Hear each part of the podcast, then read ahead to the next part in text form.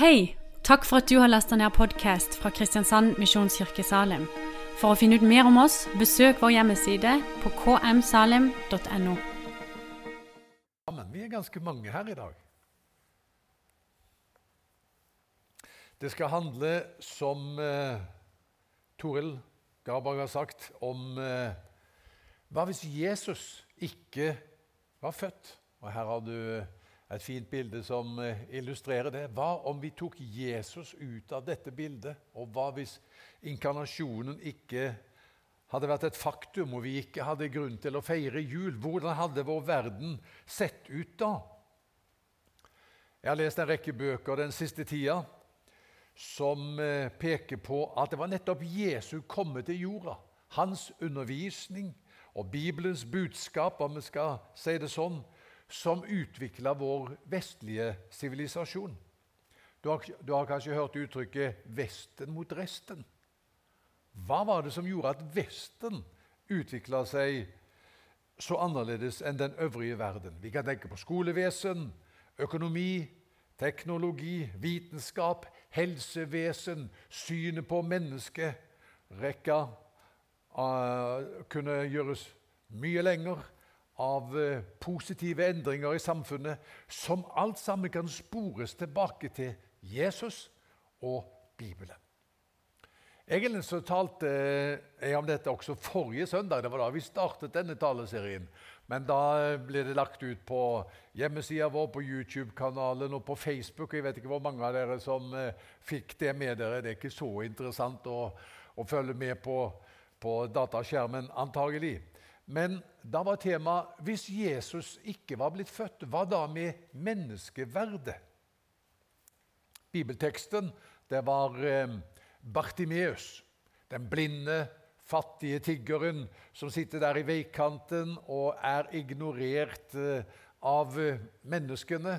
Så kommer Jesus forbi, og Bartimeus han roper, 'Jesus, du Davids sønn, forbarm deg over meg!'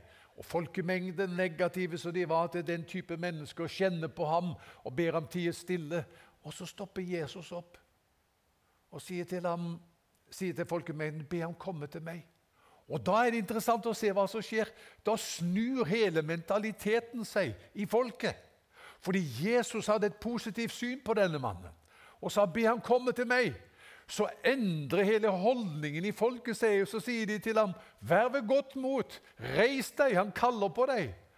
Og det har vi sett i vår verden, at da Jesus kom til jord, så endret synet på mennesket seg. Vi kan si Jesus introduserte den sterkeste humaniserende kraft verden noensinne har sett. En kirkehistoriker sier det sånn i forhold til Norden. Kristendommen innførte i Norden en hittil ukjent betraktning av liv, menneskelivets verdi og av pliktene til de nødlidende.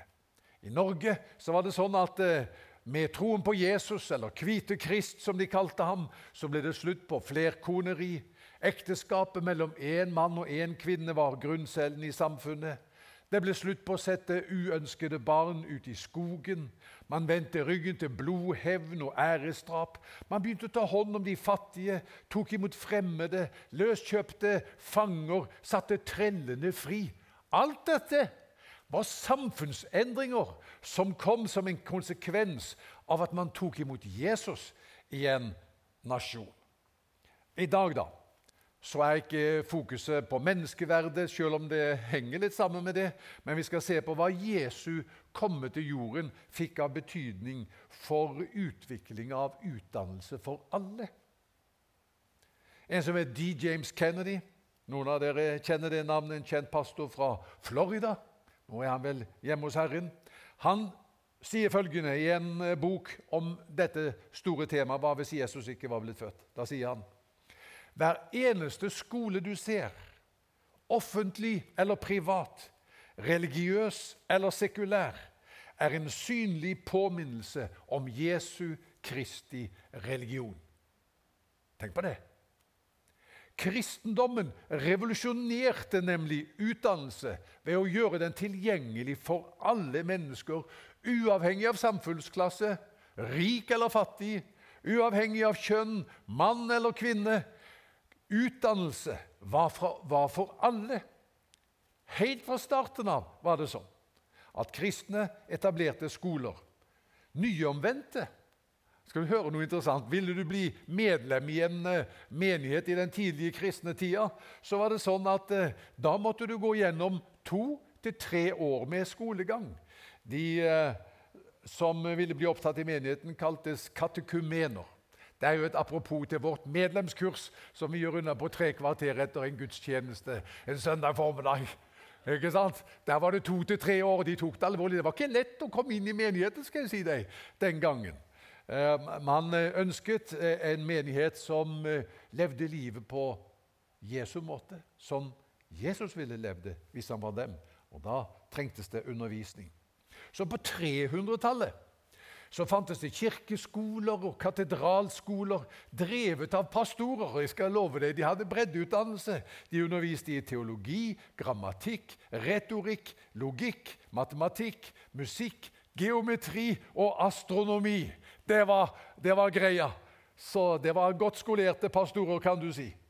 Og dette var utdannelse for altså begge kjønn og alle samfunnsklasser. Og Kirkefaderen Augustin han var stolt når han kunne si at eh, de kristne kvinnene de er bedre utdannet enn de hedenske mannlige filosofene. Hvor utdannet de enn er, så er de kristne kvinnene de går der med en høy gang. Og En som har skrevet en bok om også kristendommens innflytelse på Vesten, som selv er eh, fra India, han så på sitt eget land og sammenlignet det med med Europa og Vesten, og så lurer han på hva i alle dager, hvorfor denne forskjellen? Og Så legger han merke til noe, og det er jo så spissformulert. vet du. Han sier hinduprestene i mitt land de var opptatt av å drepe sinnet. De lå på spikermatter, lot seg begrave levende eller satt tildekket av aske og kumøkk og røykte marihuana.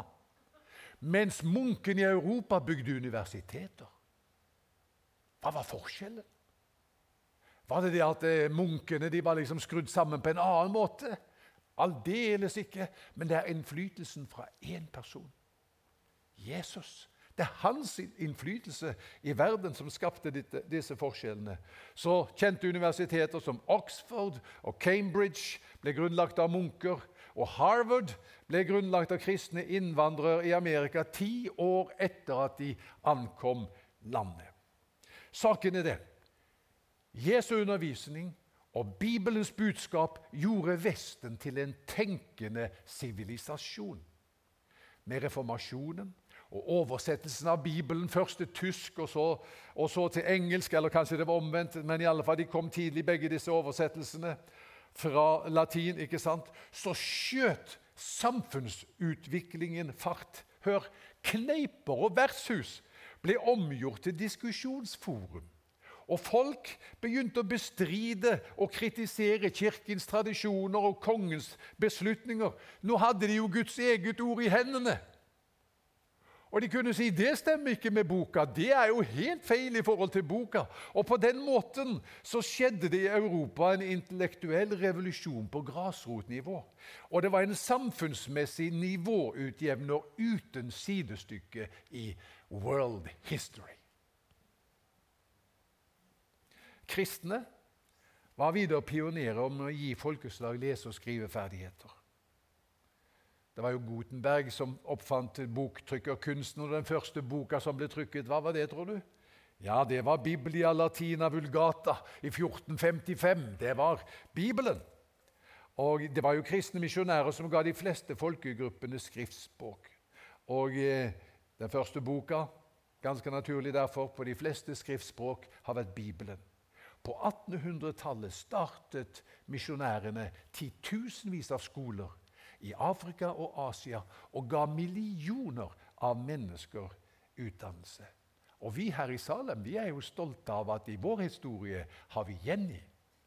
Jenny Kårestad, som reiste til Kongo og viet livet sitt til eh, utdannelse i Kongo, ikke minst utdanning av kvinner. Og jeg har latt meg fortelle at i, i blant regjeringsmedlemmer og statsråder der kunne man finne mennesker som hadde sittet under hennes kateter. Hun var med å løfte en nasjon. En av pionerene i Kongo. Hva med utdannelse eh, for døve? Ja, de trengte jo også utdannelse, ikke sant? De var glemt lenge. Men så var det en eh, fransk prest som het Charles Michel Epey. Og eh, Han grunnla verdens første døveskole. Jeg skulle ønske at det hadde kanskje kommet tidligere, men i alle fall verdens første døveskole i Paris 1765. Kristen mann. Hva med utdannelse for blinde? Hør på dette. Grekerne, hva gjorde de med blinde babyer? Kastet dem i havet. De blinde guttene som overlevde spedbarnsalder og barndom, de ble senere brukt til galeislaver og blinde jenter til prostitusjon. For en kontrast da Jesus kommer inn på verdenshistoriens arena og helbreder de blinde. På 300-tallet ser vi derfor at kristne etablerer de første hjem for blinde, viser omsorg for dem. Og På 1800-tallet skapte Louis Brey blindeskriften, eller punktskriften. Han var en brennende kristen som sjøl hadde mista synet som treåring. Men gjennom dette, denne blindeskriften, punktskriften, som han utviklet, så ga han millioner av blinde anledning til å kunne lese med fingertuppene. Det er jo fantastisk. Hva med forskning og vitenskap? Ja, Kristendommen er jo imot vitenskapen, er vi ikke det? Altså, Forskning det liker vi ikke, og vitenskap det er vi skeptiske til. Langt derifra. Den vitenskapelige metode vokste ut av teologien. Den vokste ut av en bestemt måte å betrakte den fysiske verden på. Man gikk ut fra at denne verden er virkelig og går an å forske på. Det var ikke en selvfølge. For i andre religioner det var det sånn, eksempel, og, og, og, og, filosofier, som får vi si, f.eks. den greske Platon sa den verden du ser, er bare en skygge. Den er ikke den virkelige verden. Den virkelige verden er ideenes verden. Eh, så det var ikke mye interessant å forske på skygger. var det det? Og Hinduismen kalte denne verden for en illusjon. Det blir litt uh, i den samme gata. Og I andre religioner så man på verden som magisk forhekset og styrt av ånder og demoner. Men de som hadde lest Bibelen, de sa denne verden kan vi forstå. Gud har skapt den rasjonell, med orden, regulert av naturlover. Vi kan forske på den. Jeg, jo, jeg, må jo si det at jeg er glad jeg, altså. hver gang jeg kjører over Varoddbrua. At jeg kan liksom være trygg på det at tyngdekraften er i går i dag den samme i alt evig tid. At ikke det endrer seg noe i løpet av helga. Og kan, Er det trygt å kjøre over denne broa eller ikke? Eller når jeg setter meg på et fly og skal til Bodø og besøke svigermor i jula. Eh, hvordan blir dette her egentlig nå? Eh, har disse aerodynamiske lovene forandra seg eh, i løpet av pandemien, eller funker de på samme måte?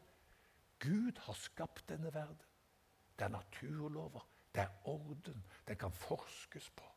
Fantastisk. Og Derfor sier en som heter Rodney Stark av de 52 viktigste personene bak den vitenskapelige revolusjonen var 50 dedikerte kristne. Er du en kristen, du? ja? Har du hørt den historien? Han uh, heter Håkon. Han var en ung gutt, han gikk på ungdomsskolen. og Så skulle de vel mobbe han, vet du, og så sa de du, er du en kristen, du, Håkon? Så sier han prins Håkon av himmelriket om Gjøtørby. Arving til himmel og jord. Jeg vet ikke om du har hørt om far min, men han har skapt denne verden. og Han er forfatter av verdens mest leste bok. Og bror min han sto opp fra de døde her for noen år siden, og han har all makt i himmel og på jord. Det er fint. Han visste hva han skulle svare, den godeste Håkon. Prins Haakon og himmelriket. Er du en kristen, du, da? Ja, tenk det er jeg. Jeg er en kristen og vil det være, om sol og måne ei skinner med. Jeg er en kristen, det er min ære, sang man før i tida. Og den kan vi gjerne lære. Kan dere den? Jeg er en kristen og vil det være Den er fin på sin måte. Hvis man har sangstemme, får jeg legge til. det. Men alt dette kan spores tilbake, dette som jeg nå har beskrevet, til Jesus.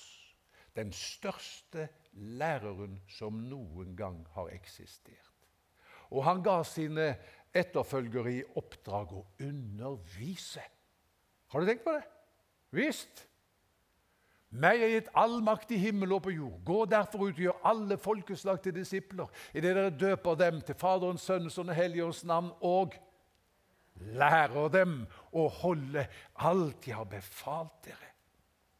Så det var Jesu komme til jordet, det var Jesu undervisning, det var Bibelens budskap, og nå har vi bare snakket om de gode fruktene her liksom i denne verden, på denne siden av himmelen, men vi vet jo at Jesus er frelseren som døde og sto opp for oss og overvant synden, djevelen og døden. Så her er jo enorme konsekvenser. Men nå har vi bare sett på liksom, de gode fruktene i det vestlige samfunnet, liksom, helt sånn konkret som vi alle kan uh, sette pris på. Derfor må jeg si at det er uendelig vemodig at verden, den vestlige verden må jeg si da, vender Gud ryggen. Vender, vi må stikke fingrene i jorda og si hva skjer i verden i dag? Hva skjer i Norge? Vi vender Gud ryggen. Det betyr vi forlater kilden til de verdiene og godene som det vestlige samfunnet har strømmet ut av. George Orwell har du hørt om. Han skrev jo denne dystopiske romanen 1984. Og han skrev en gang, når han betrakter den vestlige sivilisasjonen I 200 år hadde vi sagd og sagd på grenen vi satt på. Og Det er en sivilisasjon som er sprunget ut av Jesu undervisning og Bibelens lære. I 200 år hadde vi sagd og sagd på grenen vi satt på. Og til slutt, sier han, langt plutseligere enn noen hadde forutsett, ble vår innsats belønnet, og vi falt ned. Men dessverre hadde vi gjort en ørliten feil. Det var ikke en seng med roser likevel vi falt på, men det var en kloakk full av piggtråd.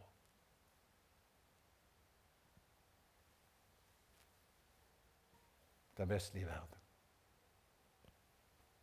Lauren Cunningham, stifteren av Youth with a Mission, som vi kjenner til, han sier når en stor nok andel av befolkningen vender, til, vender Bibelen ryggen og slutter å anvende den som rettesnor for livet, da begynner den nasjonen å ødelegge seg selv. Tenk på det. Men det motsatte er også sant. Og Jeg er her for å forkynne gode nyheter, for det motsatte er også sant. Når en stor nok andel av en befolkning begynner å ta Bibelens budskap på alvor og anvende den på livsområde etter livsområde, da vil man før eller siden nå det som på engelsk kalles et tipping point. og Det er jo skrevet bøker om tipping point. Et vendepunkt der nasjon og folk igjen kan leges. Så det er mulig. Derfor har det enorm betydning for ditt liv og for Norge, for Norden, for Vesten, at du kan si følgende Jesus er den øverste autoriteten i mitt liv. Jeg vil innrette livet mitt etter hans ord. Det var jo en munk som i unge år ville forandre verden. Du har sikkert hørt den historien. Og Han strevde i ganske mange år med å prøve å forandre verden, så det gikk det ikke. Og så tenkte han jeg får heller prøve å forandre nasjonen min. Og så brukte han mye kraft på å prøve å forandre nasjonen. Det var også vanskelig. Og så tenkte han vel, vel, jeg får konsentrere meg om byen. Sannelig møtte han på problemer der. og Det er vanskelig å forandre en hel by. Så tenkte han hva med slekta mi, familien? Jeg får prøve på det, da. Gikk ikke så godt, det heller.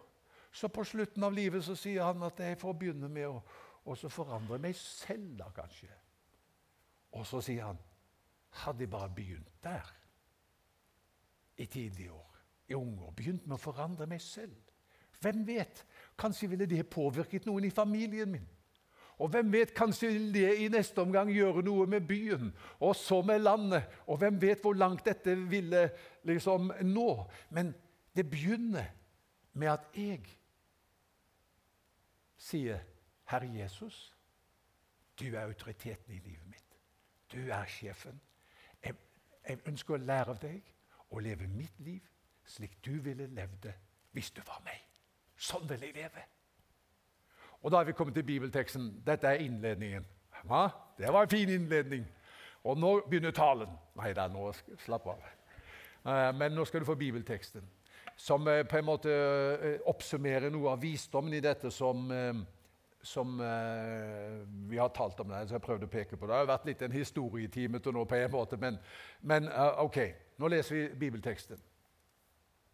Og Det er avslutningen av bergprekenen. Den som hører disse mine ord og gjør etter dem, han ble lik en klok mann som bygde huset sitt på fjell. Regnet skylte ned, elvene flommet og vindene blåste og slo mot huset. Men det falt ikke, for det hadde sin grunnvoll på fjell. Men den som hører disse mine ord og ikke gjør etter dem, han blir like en uforstandig mann som bygde huset sitt på sand.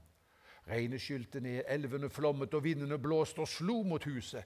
Da falt det, og fallet var stort. Slik lyder Herrens ord.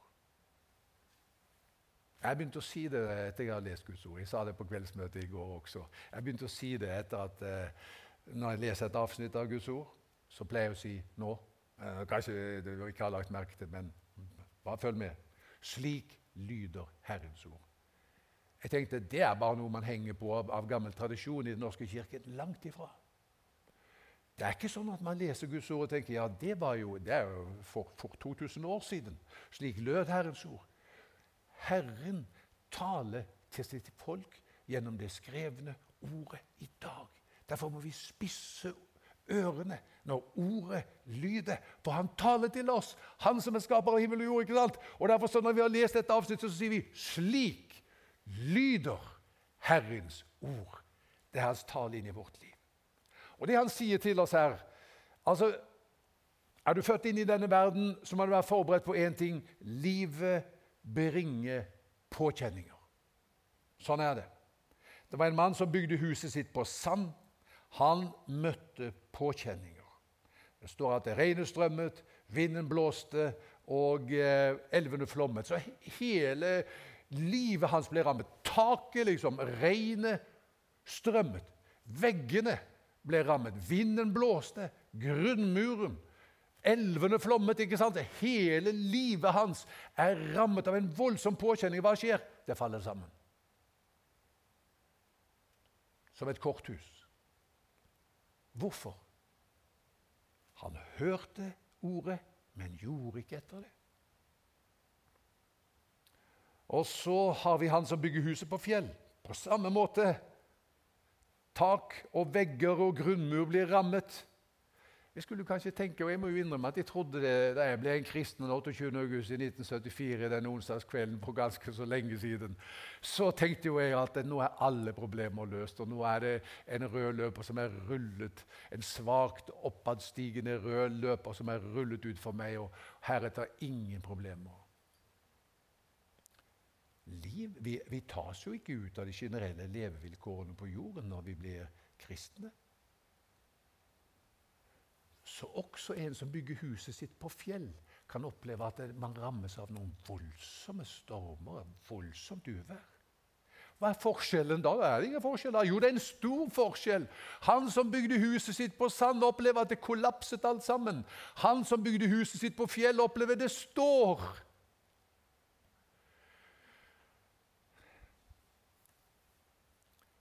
I dag er det mye som faller fra hverandre i vår verden. dere. Og det, jeg syns det skjer så fort. Det er en normoppløsning uten sidestykke, i min levetid i alle fall, i landet vårt. Og Da er det sånn at vi kan tenke med Salme 11 vers 3.: Når grunnvollene blir revet bort, hva kan da den rettferdige gjøre? Liksom, kan vi gjøre noe i det hele tatt, liksom? Nå blir grunnvollene i samfunnet revet bort. Ja, vi kan gjøre noe. Vi kan bestemme oss for å innrette livet vårt etter Guds ord.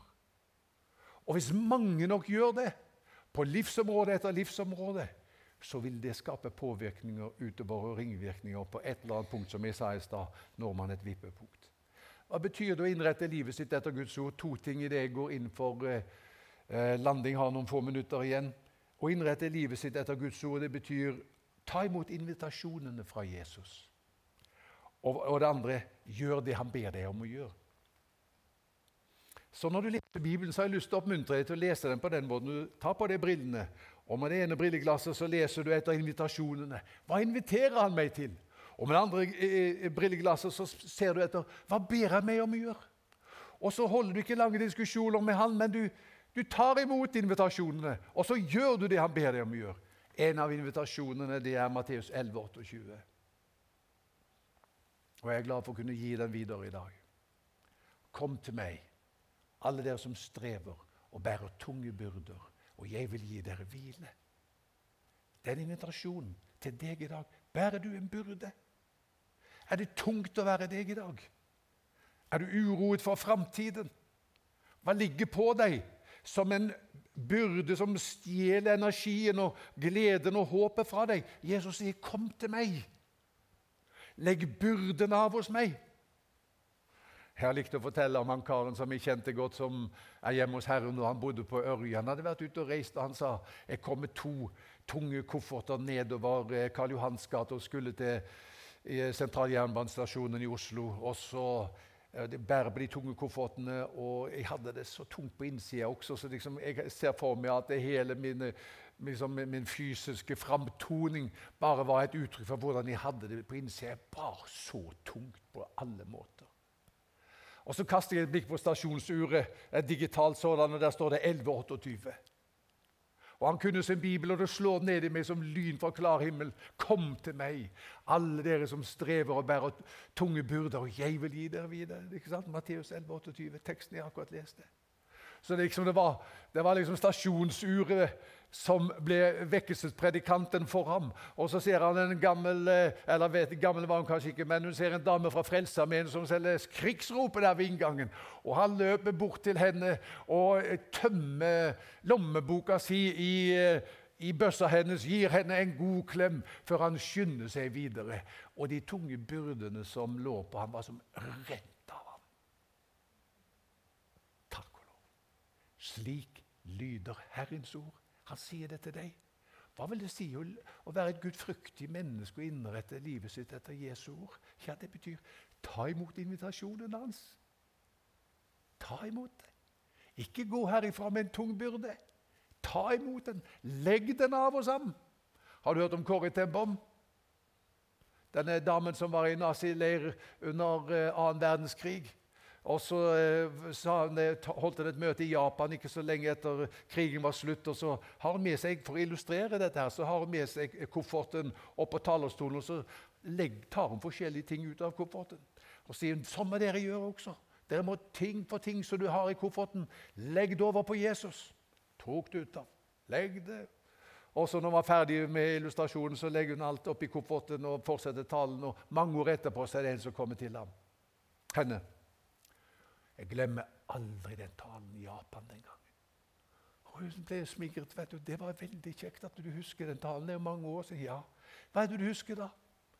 At du la alle tingene oppi kofferten igjen.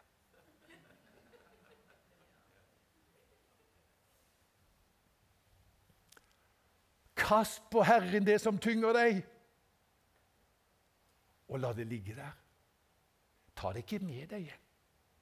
Parker det her. Og så sier du 'Jesus'. Nå klamrer jeg meg til deg. Bente, vil du gi meg den der eh, Jeg glemte å ta den opp, opp i den der eh, kofferten der. Så, eller veska mi har en vaier. Ja, du ser den? Nei, den ligger der. Andre.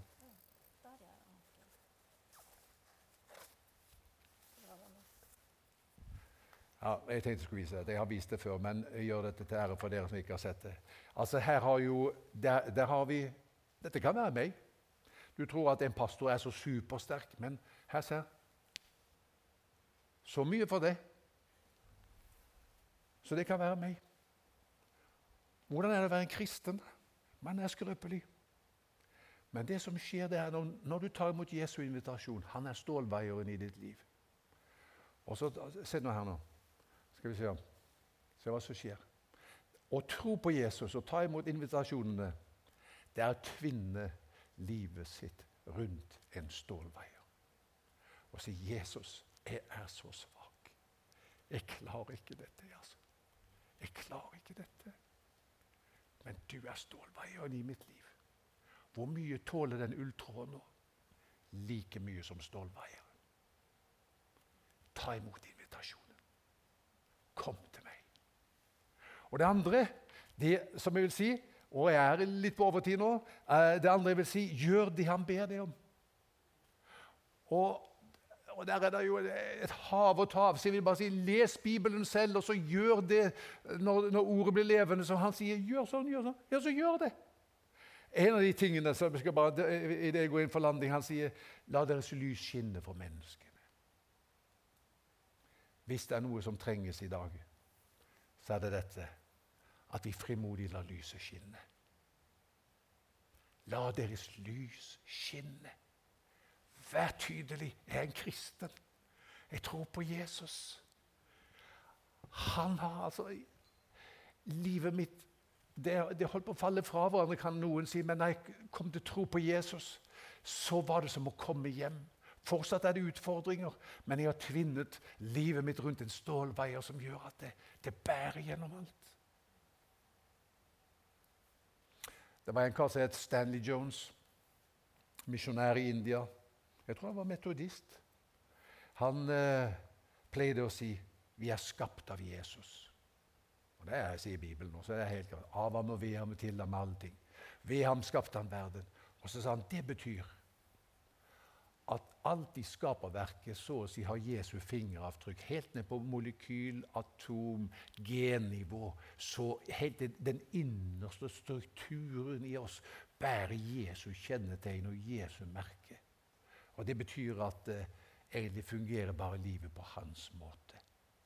Det er på Jesus-måten at livet fungerer. Derfor la lyset skinne det som du har fått del i når du tar imot hans invitasjoner og gjør det han ber deg om å gjøre, det er hva denne verden trenger. Amen. Herre, vi priser deg for at du kom til verden som frelser først av alt. Du kom for å vise oss hvem Gud er.